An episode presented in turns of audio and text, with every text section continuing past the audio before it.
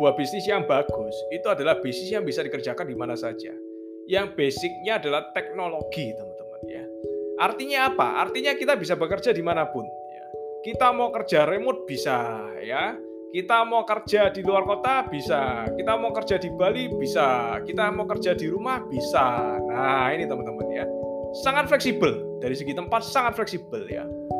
Dan yang terpenting adalah sebenarnya kalau kerja zaman sekarang ya, bisnis zaman sekarang itu yang terpenting sebenarnya bukan tempat, tapi inisiatif ya. Gimana kita ini kreatif teman-teman ya. Karena nggak ada yang mantau kita ini kita nggak ada. Kita kerja itu yang mantau kita itu nggak ada teman-teman ya. Karena yang namanya entrepreneur itu bos kita adalah diri kita sendiri. Bos kita adalah customer kita ya. Beda kalau kita sebagai employee, sebagai profesional ya. Kita kalau kerja selalu dipantau ya. Kalau kita entrepreneur itu yang diutamakan adalah inisiatif, inisiatif.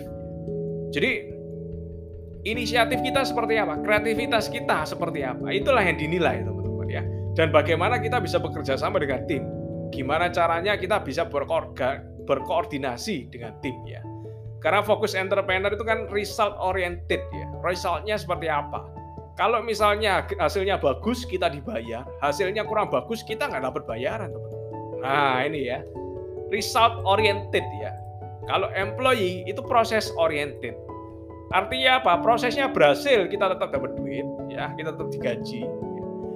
Prosesnya nggak berhasil, ya, kita tetap dapat duit, tetap digaji. Nah, itu ya pola perbedaan pola pikir lah yang kita bisa belajar ya, salah satunya di sini.